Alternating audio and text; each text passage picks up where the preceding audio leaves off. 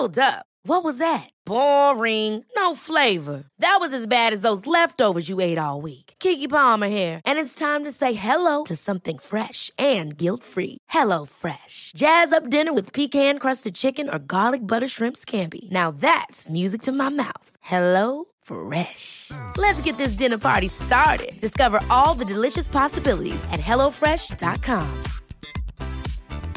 Quality sleep is essential. That's why the Sleep Number Smart Bed is designed for your ever evolving sleep needs. Need a bed that's firmer or softer on either side? Helps you sleep at a comfortable temperature? Sleep Number Smart Beds let you individualize your comfort so you sleep better together. JD Power ranks Sleep Number number 1 in customer satisfaction with mattresses purchased in-store. And now, save 50% on the Sleep Number limited edition Smart Bed for a limited time. For JD Power 2023 award information, visit jdpower.com/awards. Only at a Sleep Number store or sleepnumber.com.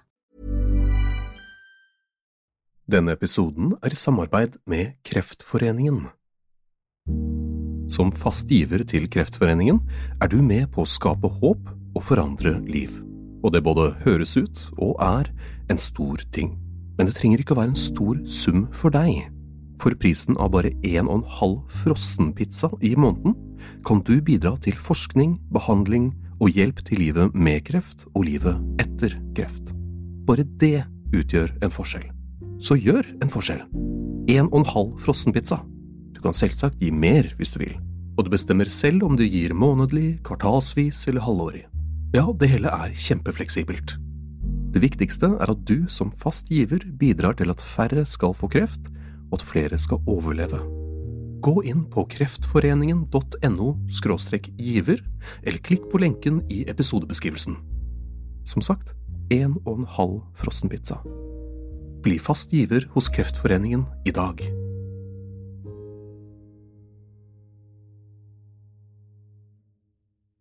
Gjenklang.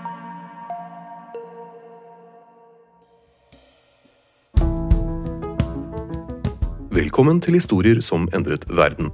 Med oss for å snakke om det første turbulente tiåret på Cuba etter Fidel Castros maktovertakelse, har vi historiker Even Sandvik Underlid på telefon fra Bergen. Velkommen. Eller velkommen tilbake. Takk for det. Takk for det. Vi avsluttet forrige episode eh, ved at Fidel Castro tok over makten på Cuba i 1959.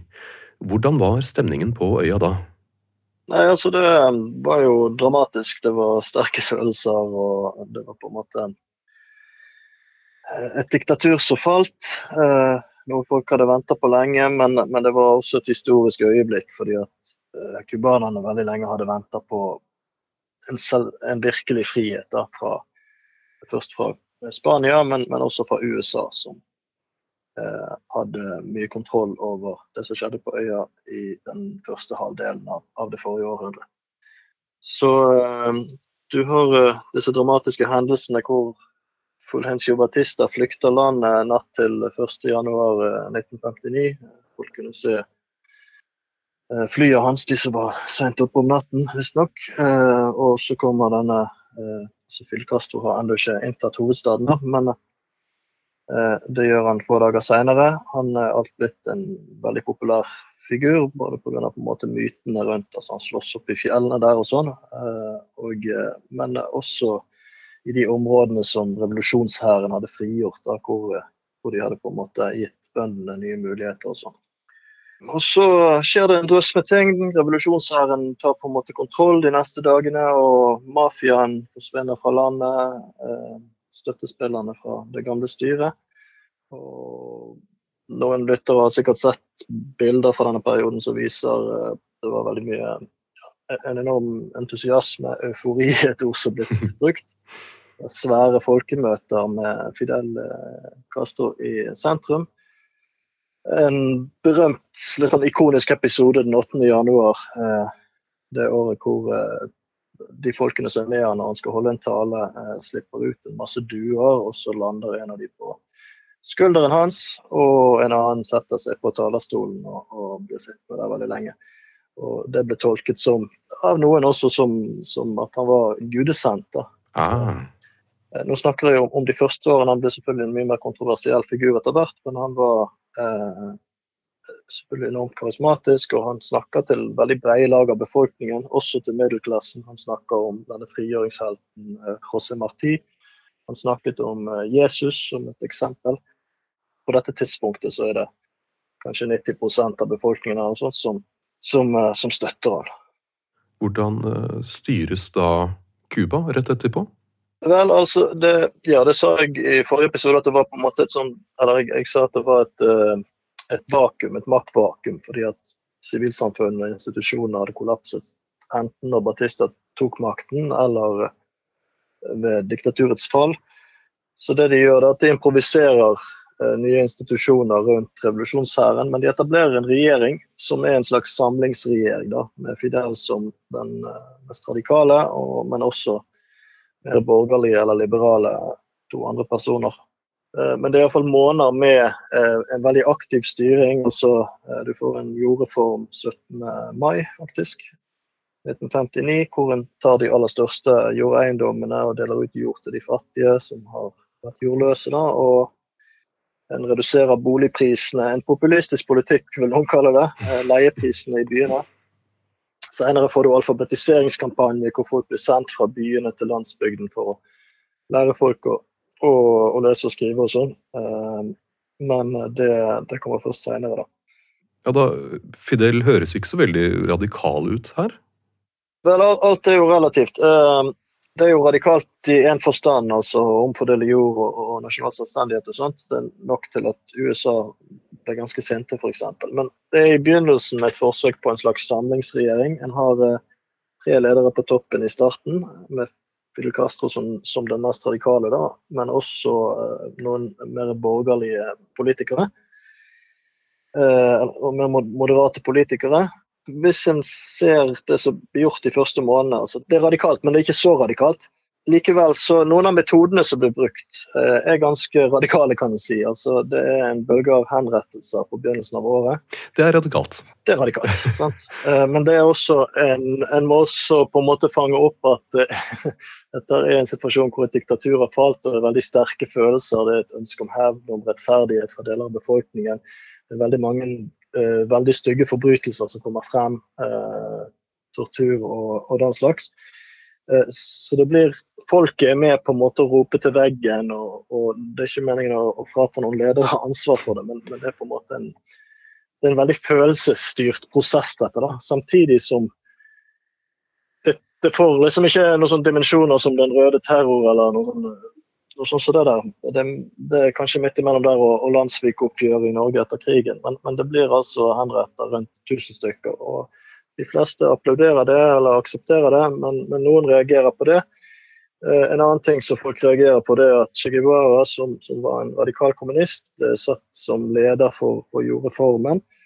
Eh, og det var på en måte folk som eh, lederen for flyvåpenet f.eks. deserterte og dro til USA og sa at Fidel Castro er kommunist. og Eh, det var ulike spekulasjoner og ulike tolkninger. da, eh, og, og utover året så spisser konflikten med USA seg til, og det er rykter om kupp osv. Eh, og da er det på en måte en snøball som begynner å rulle her, hvor, hvor det ene påvirker det andre, og, og, hvor det begynner å gå i en veldig radikal retning. Hvordan styrte Fidel? Det forandrer seg litt over tid.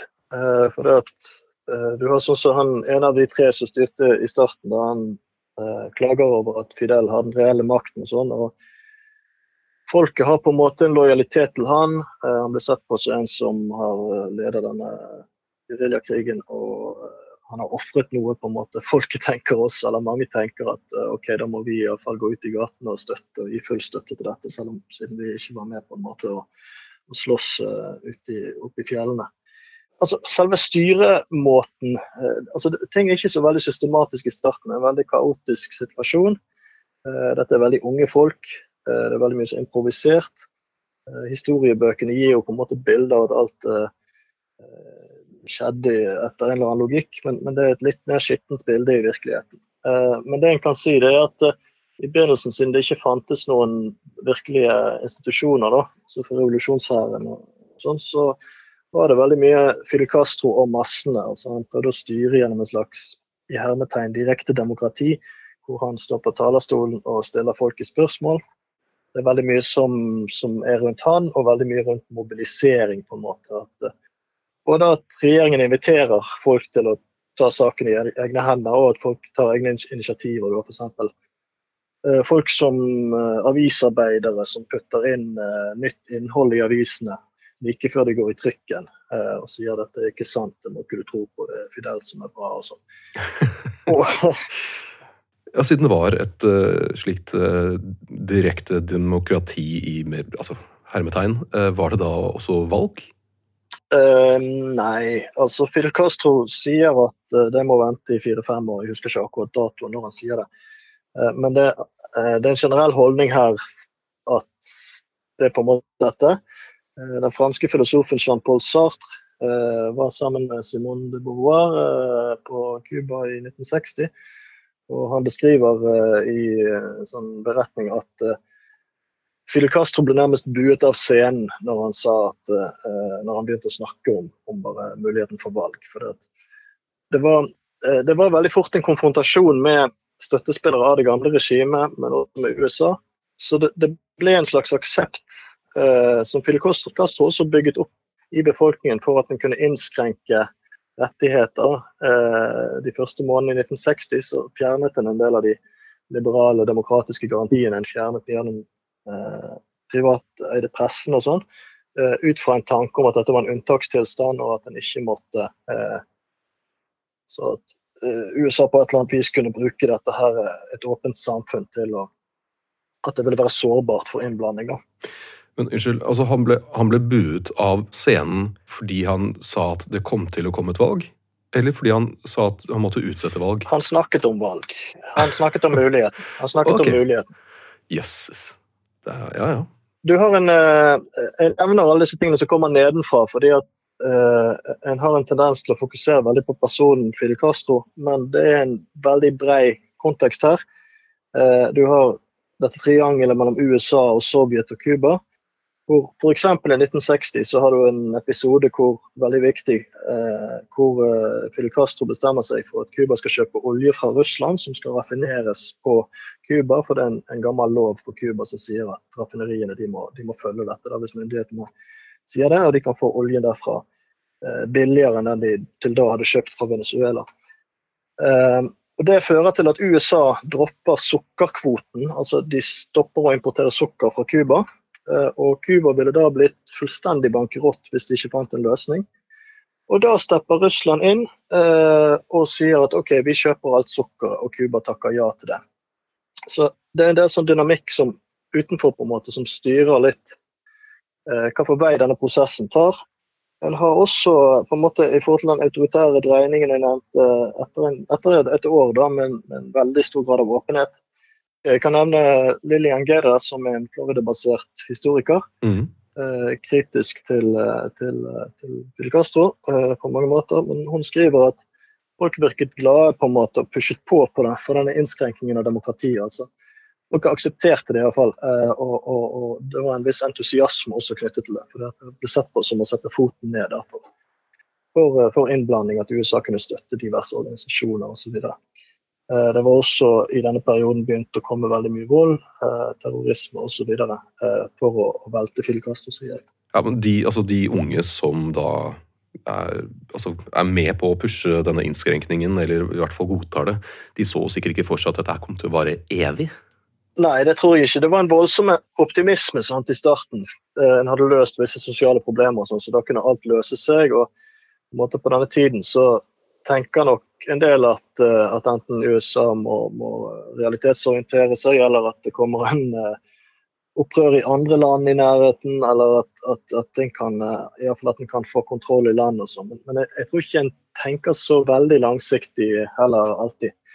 Men, men de som aksepterte det, de, mange av de vil nok ha tenkt at det var mer tidsbegrenset, ja. Og så er det jo selvfølgelig mange som ikke aksepterer det, og det er jo en av grunnene. altså Sammen med at, at en regjering som ikke akkurat får altså, Alle får det kanskje bedre på noen måter, men sånn materielt så innskrenker regjeringen litt eh, luksusforbruket i begynnelsen. De tar litt styring på importen og sånn.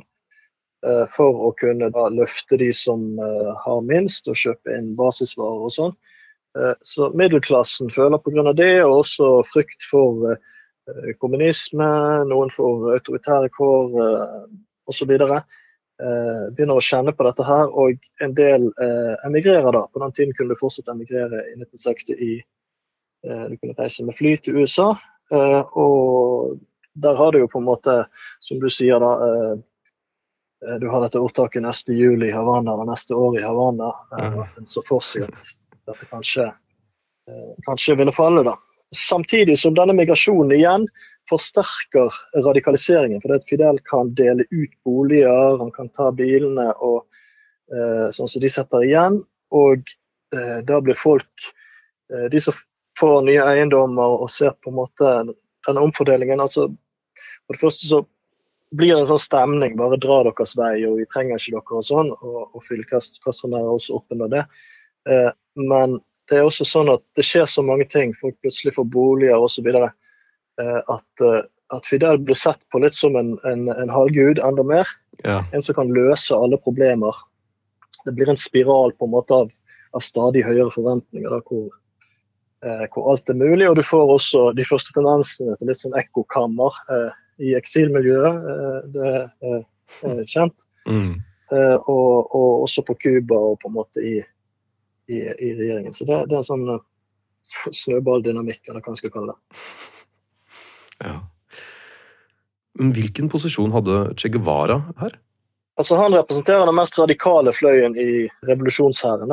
Han var, var, overbevist kommunist, eh, veldig radikal kommunist. Eh, du har to veldig kjente kommunister i, i revolusjonshæren der, og den ene er Che Guevara, og den andre er Raúl Castro, som er broren til Fidel. Som da kom fra et hadde bakgrunn fra ungdomsforbundet til det gamle kommunistpartiet på Cuba før revolusjonen, som ikke hadde støttet Fidel Castro. Uh, partiet altså, uh, og som var til å være et kommunistisk parti forholdsvis moderat, pragmatisk, men hadde gode forbindelser da, til, til, til, Moskva. Og så har du Skje, som har en enda mer kompromissløs, utålmodig, ungdommelig marxisme Eh, opptatt av frigjøringen av den tredje verden. Han var litt lunken til at Sovjet eh, på en måte, de, ikke, de hadde blitt litt tafatt. At de ikke de prioriterte det de kalte for fredelig sameksistens med USA fremfor å støtte frigjøringsbevegelser i den tredje verden. Uh, og i tillegg hadde de akseptert, i, i veldig liten grad, da, men noen markedsmekanismer. Og... Så Skje han, han er en viktig figur. Eh, han spiller en viktig rolle i revolusjonen til han blir drept i 1967 i Bolivia. Eh, han er leder for jordreformen, han leder et forsøk på industrialisering, hvor de da landet skal få flere bein å stå på enn bare sukker. Eh, det, det går veldig dårlig, så de går tilbake til å satse på sukker og selger det til Sovjet isteden. Han er sjef for sentralbanken helt uten spesiell økonomisk kompetanse osv. Så, videre. så han er viktig som et symbol. Eh, og så kan en også si at eh, Che Guevara og, og også Raúl Castro de spiller en rolle i, i radikaliseringen. fordi at de blir på en måte sånn bindeledd eller kontaktpersoner for en del gammelkommunister på Cuba. Jeg kaller de for det, for de tilhørte det kommunistpartiet som fantes før revolusjonen. Uh, som da var liksom litt parkert på sidelinjen og kanskje halvveis diskreditert også fordi de ikke hadde støttet revolusjonen og fordi de hadde vært med i Batistas første regjering og sånn. Uh, men etter revolusjonen så blir de da veldig nyttige allierte. For det at de er uh, en av de få politiske miljøene som har Mange har vært i eksil, men de har et visst nettverk igjen. De har en viss tyngde i fagbevegelsen, i byene hvor ikke Fidel Castro står så sterkt.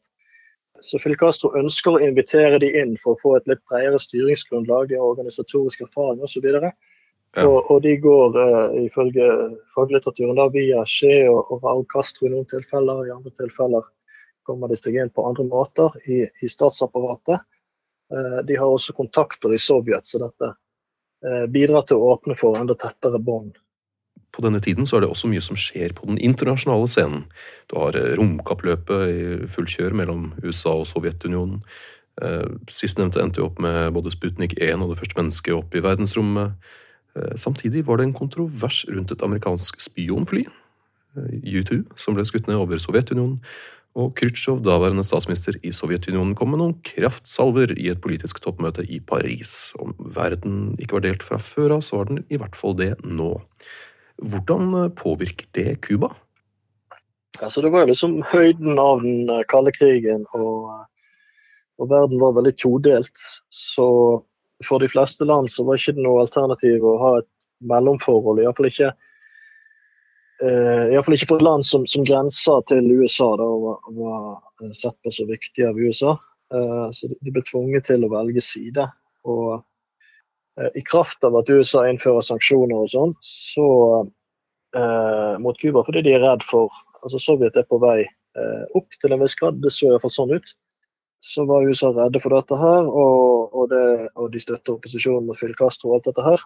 Så USA slår veldig hardt ned på det. De stenger på en måte Cuba ute fra den vestlige halvkula. Ikke alene, men det er et veldig diplomatisk press på nabolandene og sånn.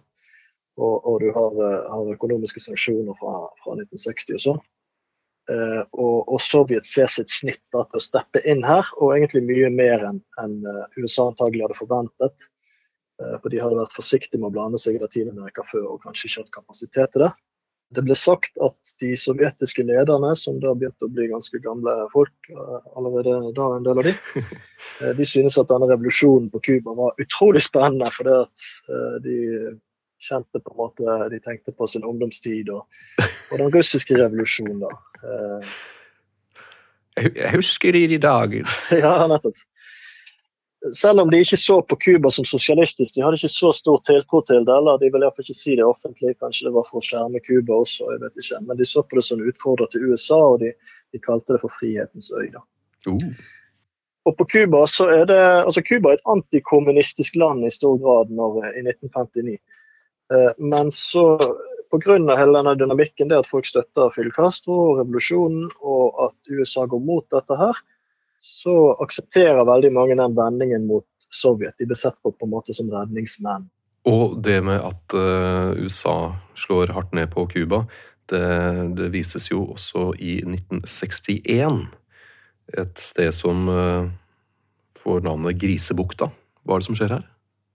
Det er jo da at uh, en gruppe eksilcubanere med støtte av amerikanske myndigheter, CIA, går i land og prøver å invadere landet, rett og slett, eh, men blir veldig fort slått tilbake.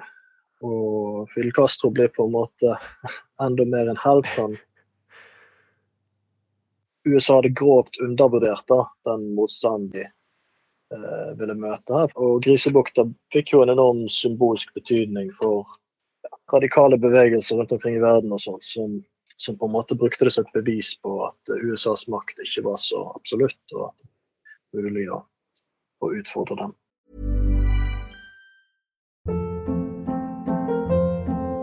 Hold up. What was that? Boring. No flavor. That was as bad as those leftovers you ate all week. Kiki Palmer here, and it's time to say hello to something fresh and guilt-free. Hello Fresh. Jazz up dinner with pecan-crusted chicken or garlic butter shrimp scampi. Now that's music to my mouth. Hello Fresh. Let's get this dinner party started. Discover all the delicious possibilities at HelloFresh.com.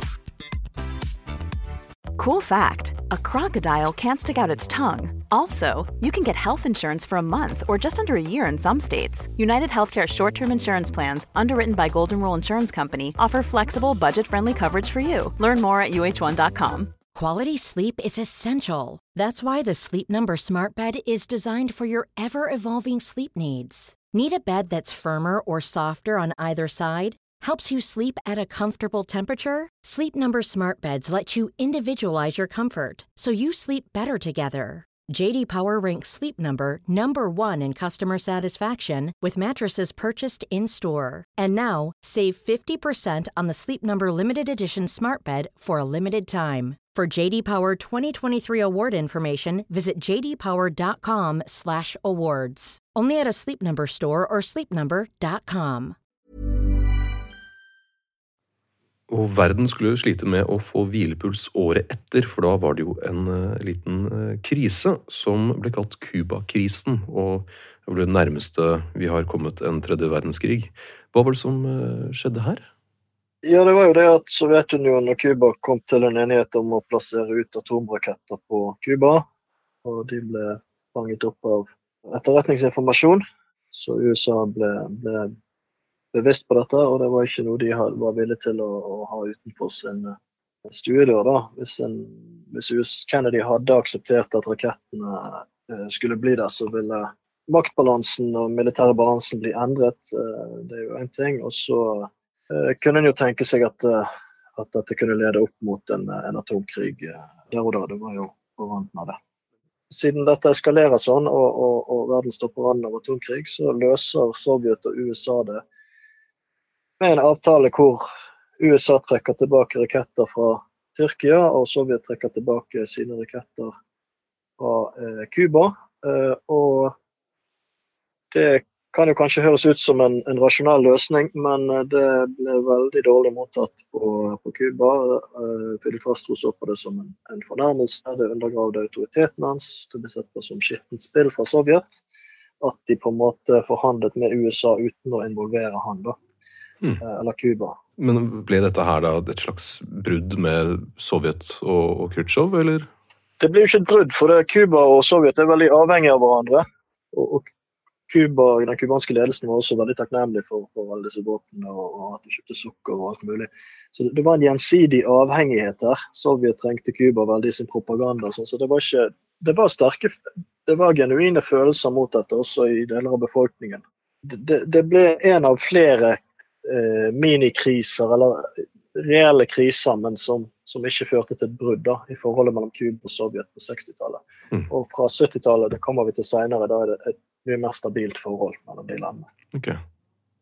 Hvordan ser økonomien på Cuba ut nå utover 60-tallet? Altså, det er jo embargo eh, fra USA, men Sovjet hjelper dem med å kjøpe sukker? Ja, altså det I begynnelsen så får du jo denne greien med at Fidel Castro kan på en måte dele ut eiendommer osv. Det, det er faktisk en stor vekst, eh, økonomisk vekst første året, sånn, men utover 60-tallet så begynner politikken å radikaliseres. Dette forsøket med industrialisering som Che Guevara skulle lede, det går veldig dårlig. Uh, og, og en, en, snur tilbake da, til at en skal produsere sukker, og, og, og, utsette dette på en måte med å komme seg ut av den sukkeravhengigheten som en hadde arvet fra kolonitiden. Mm. Uh, men det er stadig linjeskift i politikken. Det er veldig lite planlegging. som sagt, institusjonene, Det er nesten ikke institusjoner. Alt er bygd rundt revolusjonshæren og bare blir opprettet og, lagt ned etter behov. Uh, og en utsetter også denne institusjonaliseringen fordi at landet er i en det burde jeg kanskje sagt tidligere, men, men det er en, en, veldig turbulent situasjon hele uh, første halvdel av 60-tallet. iallfall med noen historikere, uh, En historiker går så langt som til å kalle det for en borgerkrig. Uh, kanskje på, på kanten mer enn Men det, det, var veldig turbulent. Det var opprørsgrupper som, som ville velte Fidel Castro, flere av de med, med støtte fra USA. da. Men Eh, det er, lite, det er en dårlig styring av økonomien, lite realisme i det. Eh, og, så, så det, det, er dårlige kår eh, utover 60-tallet. En ganske tøff situasjon, og dette her kulminerer da i, i, i noen veldig ultraradikale eksperimenter på slutten av 60-tallet. Som eh, skaper en ganske alvorlig økonomisk krise på Cuba og gir de egentlig lite annen mulighet enn å venne seg til Sovjetunionen for et mer forpliktende samarbeid, som også innebærer rådgiver og sånn. Men Har du noen eksempler på disse økonomisk utopiske eksperimentene? Ja, altså, det, det, det, utviklet seg en sånn mentalitet. fordi at eh, Revolusjonen hadde tross alt fått til veldig mange ting. Løftet mange ut av fattigdom osv. Det utviklet seg en sånn mentalitet at alt var mulig utover slutten av uh, sent på 60-tallet. Uh, og, og, Dette kulminerer i, i, da, i eh, det som de kaller den revolusjonære offensiven, hvor de stenger de siste uh, de kaster på stengt de siste småbedriftene, eller som pauseboder og sånn. Uh, med den er total konsensus i dag om at dette var veldig kontraproduktivt og, og ødela veldig mye. Det skapte revolusjon, mange motstandere osv., men, det ødela også for vareutvalg og servicekultur og håndverk osv. Og, så og skapte staten masse problemer fordi at de klarte ikke å drive disse tingene. Eh, men altså, noen av de eh, tingene de finner på i den perioden, er de, altså de fjerner regnskapsføringsfaget fra Universitetet i Havanna, eh, for det er ikke nødvendig med regnskap. Alt skal være basert på tillit. Eh, de fjerner kontroll med oppmøte på mange arbeidsplasser. Ut fra en tanke om at hvis en på en måte kontrollerer disse tingene, så, så vil det ikke bli tillitsbasert, og, og, sånn, og, og alt skal være veldig idealistisk. Men det var en generelt altså, i hvert fall sett herfra og fra vårt på ståsted i dag, det, det, var en Det var noe urealistisk. altså Du hadde en del storslagne sånn byer. Fidel Castro sier i 1963 at Cuba skal gå forbi Sveits i levestandard. Vel å merke, han sier hvis ingen, hvis ingen stikker kjepper i hjulene for oss. Ja. Og det gjorde jo USA, ja. men likevel så voldsomt optimistisk. Uh, og Et annet eksempel jeg leste her, om her om dagen, det er den berømte iskrembaren i Havanna. De kaller det isk, noen kaller det iskremkatedralen Copelia, som de oppretter i 66. Hvor de sier at de skal ha 26 typer is. for det, var et uh, amerikansk iskremmerke før revolusjonen. Howard Johnson og sånt som, eh, som, hadde hatt mange typer is, og de skulle vise at revolusjonen kunne gjøre dette bedre. Så De skulle ikke bare løfte de fattigste, men de skulle også ha et bedre vareutvalg enn de kapitalistiske landene. Uh, og, og eh, Veldig mye av dette viste seg urealistisk. Hvis du går på Copelia, ikke vært der på, på, noen år, men, men sist jeg var der, så var det én type is, og, og, det var lang kø på en måte. Samtidig som, som, som en oppnådde mange ting. altså En, en ga folk hus og og elektrisitet osv. Og, og, enda mer utover 70-tallet når en får litt kontroll på økonomien. Men slutten av 60-tallet er en økonomisk katastrofe. Igjen, Det kulminerer i enda en ting, og det er sukkerhøsten 69-70, hvor Fidel Castro sier at vi skal eh, høste inn høste 10 millioner tonn eh, sukker. Eh, og setter inn alle ressurser på dette. Andre næringer lider osv. De avlyser til og med julen for å, eh, julefeiringen, for Oi. å eh, komme ikke tilbake før, før mye senere. For å oppnå dette målet for at alle skal inn og, og, og høste sukker og, og, prosessere dette sukkeret. For å gi landet et økonomisk løft. Og de klarer det nesten. De får en rekordsukkerhøst. Men det blir et så stort nederlag og så pinlig, da, siden man hadde satt inn alle ressursene på dette. Eh, at uh, Phil Castro truer med å trekke seg. Oi. Han sier det foran massene at han trekker seg, og massene roper selvfølgelig nei. men, uh, men, det som skjer i årene som følger, det er at Phil Castro får en bitte lite grann mer altså Egentlig utover slutten av 60-tallet. Han mister litt den sentrale rollen. Du får uh, Han har selvfølgelig siste ordet i, i, i ting og sånn, men du får et kommunistparti og du, som de bygger opp osv. Et nytt kommunistparti nye institusjoner etter hvert. Eh, og de prosovjetiske kommunistene de får litt fotfeste. De kan si på en måte hva sa vi, dette var ikke rasjonelt. Mm. Eh, du har også en episode som er lite kjent utenpå Cuba, men som er dokumentert i historiebøkene. Eh, og, og kjent blant akademikere på Cuba iallfall. Og det er at du har en episode i 68, tror jeg det er, 68, hvor prosovjetiske kommunister i makteliten på Cuba prøver å avsette Fidel Castro. Og Det kan da tolkes Oi. som et grep fra den sovjetiske ambassaden på Cuba. At de ser at dette er i ferd med å komme ut av kontroll, og at de vil ha ham vekk. Så det var eh, økonomien på Cuba. Hvordan er det kulturelt? Det er en stor diskusjon og mange meninger om. Eh, men e-, etter de tidlige årene av revolusjonen, særlig på begynnelsen av 60-tallet, så er det en veldig sånn kreativ eksplosjon. og for nye institusjoner, det statlige Filminstituttet, som har en sånn relativt fri stilling til tider, og produserer eh, veldig mye. altså Cuba blir en av de ledende landene i Latin-Amerika på, på, film. Eh, det ble bygd på en måte kulturskoler satset på å løfte frem eh, grupper og uttrykk som var marginalisert tidligere. De afrikanske kultur, f.eks. Altså kubanske kulturen osv. Eh, samtidig som du har en eh, flere motsatte tendenser på en måte som er mer innskrenkende. altså du har en eh, Kulturpolitikken kan en si, den, den er både litt eh, åpnere enn i Sovjet. Eh, og litt mindre åpen da enn en det kanskje en del skulle ønske i starten av revolusjonen i kulturlivet. Du har en første hendelse med en kortfilm, en film som heter PM.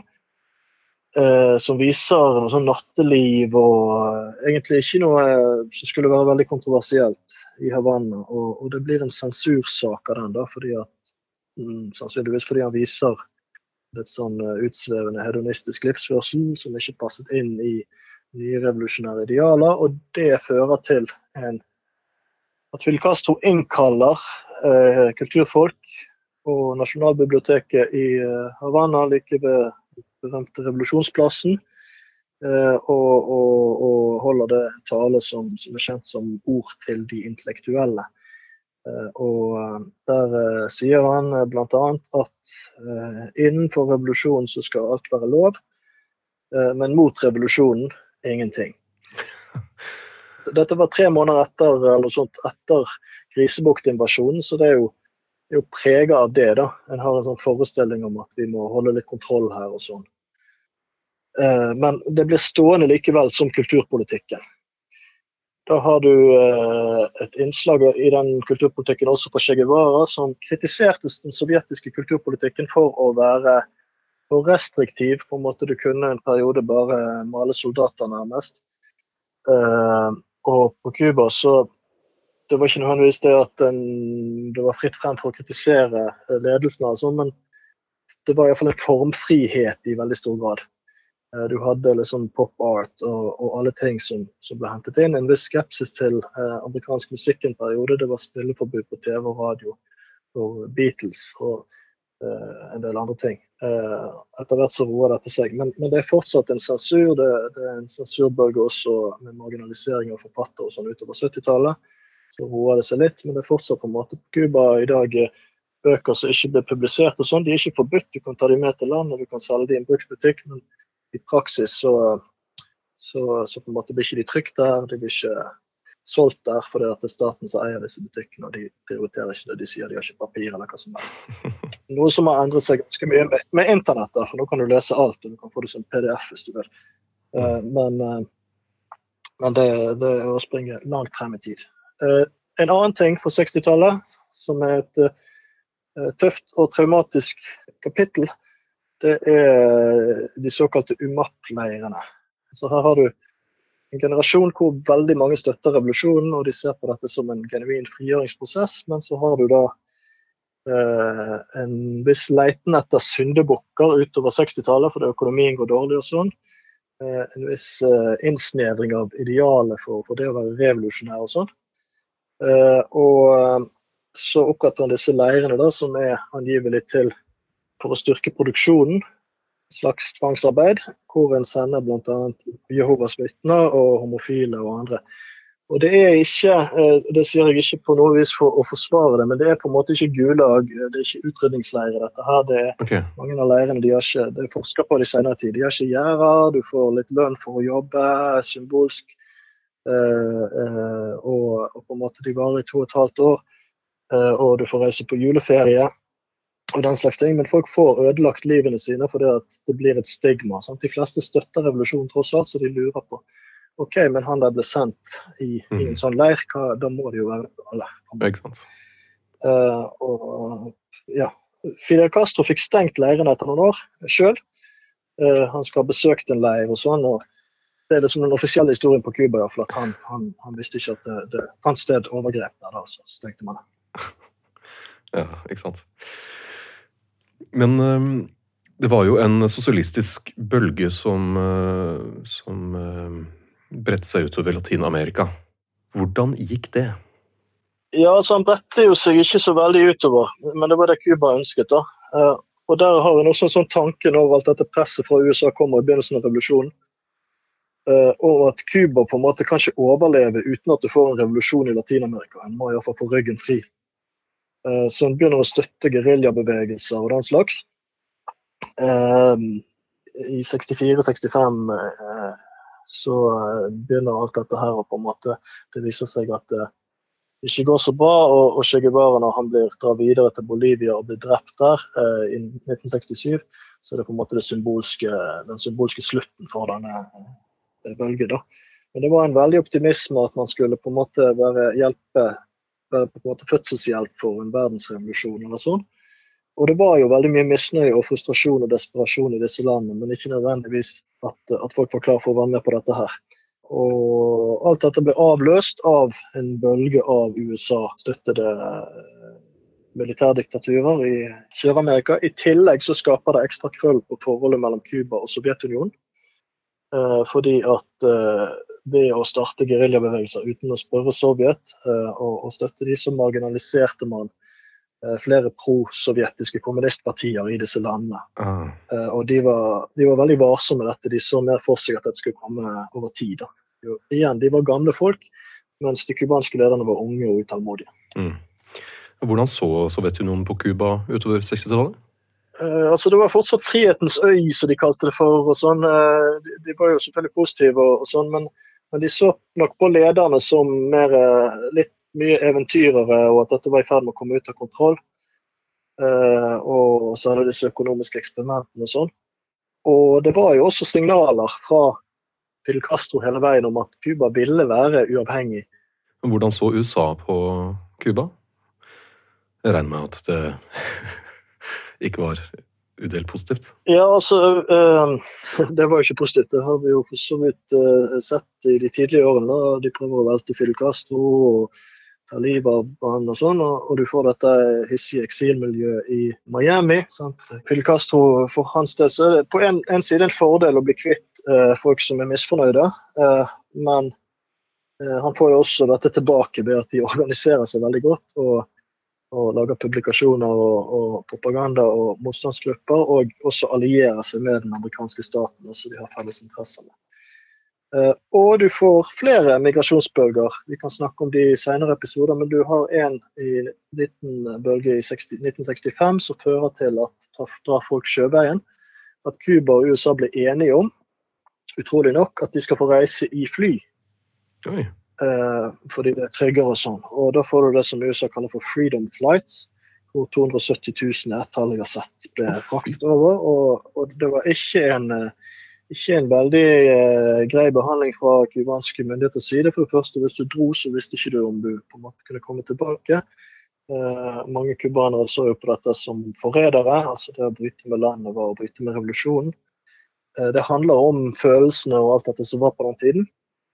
Eh, og i tillegg så de som søkte seg inn på dette programmet, kunne da miste jobber og sånn mens de ventet på å bli flydd ut av landet, og de fikk bare ta med seg 50 dollar i eiendeler og sånn. Eh, så det var en eh, altså, Hele, hele 60-tallet er en det er den friskeste fasen i revolusjonen. Det høres kanskje rart ut rett etter jeg har sagt det. For det er mye kreativitet, det er mye optimisme, det er mye støtte til Fidel, men det er også den perioden med de tydeligste sånn, kanskje de verste maktovergrepene. Senere får du en, et mer lukket land en periode, et mer grått samfunn, men, men det er likevel mer eh, hva skal jeg si, rettsstataktig, da, selv om du har eh, blindsoner og du har politiske fanger. Sånn. Du vet litt uh, hva du forholder deg til, og, og, og, det er ikke sånn de tilfeldighetene som du har. Uh, så mange av de iallfall. Men, men du får nye migrasjonsbølger senere også. Mm. En kan jo også legge til der at uh, ved med embargoen og, og, dette presset fra USA sin side, og at de har skapt konflikt på Cuba, så har de også bidratt til migrasjon. Så det er på en måte et cubansk perspektiv på dette. At disse folkene de drar, en del av dem fordi de er misfornøyd med revolusjonen. Men eh, det at situasjonen i landet er, er, såpass ille som den var på slutten av 60-tallet, det, det eh, skyldes også til dels USA. Det er ikke bare de radikale eksperimentene. Nei. Så nå, når verden er delt i to, i den røde og den blå blokken, så er Cuba rimelig isolert og alene på, på venstre side, holdt på å si, på den ene siden av Atlanterhavet? Ja, det er et eksempel som jeg selv har brukt, for jeg leste det i en fagartikkel, eh, hvor det ble påstått at, eh, at for å komme seg til eh, Sør-Amerika fra Cuba i rundt 1968, så måtte du reise via Praha. Eh, i Europa, for det var ingen flyforbindelser. Det er visst eh, nok, som noen andre påpekte, at det også skal ha vært flyforbindelser via Mexico, men det kan jo være i, tilfeller hvor de flyene var fulle, eller at det var, eh, ikke var operativt. Da. Så, så, det sier litt om, om isolasjonen her. Eh, isolasjonen til Cuba på den vestlige halvkule. Og så har de da en alliert Sovjet, men som er på andre siden av kloden. Og som etter hvert skal sende inn enorme mengder med med støtte. Eh, subsidier. Cuba blir på 70-80-tallet nærmest et utstillingsvindu i Latin-Amerika for, for, det systemet. Eh, men, men, det er fortsatt på andre siden av kloden. Så det, det blir på en måte utenfor ens naturlige krets. En får en sovjetisk kulturell innflytelse, og sånn, men en forblir cubansk. Og det blir på en måte en en litt uh, forbi, uh, forbigående greie, da. Uh, samtidig som setter sitt preg på samfunnet på veldig mange måter. Så det her var altså da de, for å si det mildt, første turbulente tiåret på Cuba 1959 til 1969. Tusen takk for at du kunne komme og prate om dette her, Even Sandvik Underlid. Takk for at jeg fikk komme igjen. Og så, Vi er jo ikke ferdig, vi kommer tilbake med en episode til, vi. Så da er det bare å, vente i spenning. Og så sjekk gjerne ut Historisk endret verden på Instagram. Og eh, hvis du ønsker litt mer eh, lokal norsk historie, så er det også bare å sjekke ut eh, historier som endret Norge. Hvor enn du hører på podkast. På gjenhør. Yes.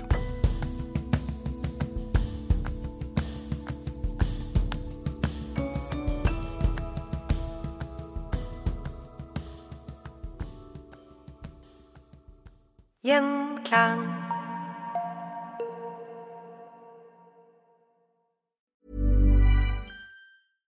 Ever catch yourself eating the same flavorless dinner three days in a row? Dreaming of something better? Well, HelloFresh is your guilt-free dream come true, baby. It's me, Kiki Palmer. Let's wake up those taste buds with hot, juicy pecan-crusted chicken or garlic butter shrimp scampi. Mm. Hello Fresh. Stop dreaming of all the delicious possibilities and dig in at HelloFresh.com. Let's get this dinner party started. Need new glasses or want a fresh new style? Warby Parker has you covered. Glasses start at just 95 bucks, including anti-reflective, scratch-resistant prescription lenses that block 100% of UV rays. Every frame's designed in-house with a huge selection of styles for every face shape. And with Warby Parker's free home try-on program, you can order five pairs to try at home for free. Shipping is free both ways too. Go to warbyparker.com/covered to try five pairs of frames at home for free. warbyparker.com slash covered.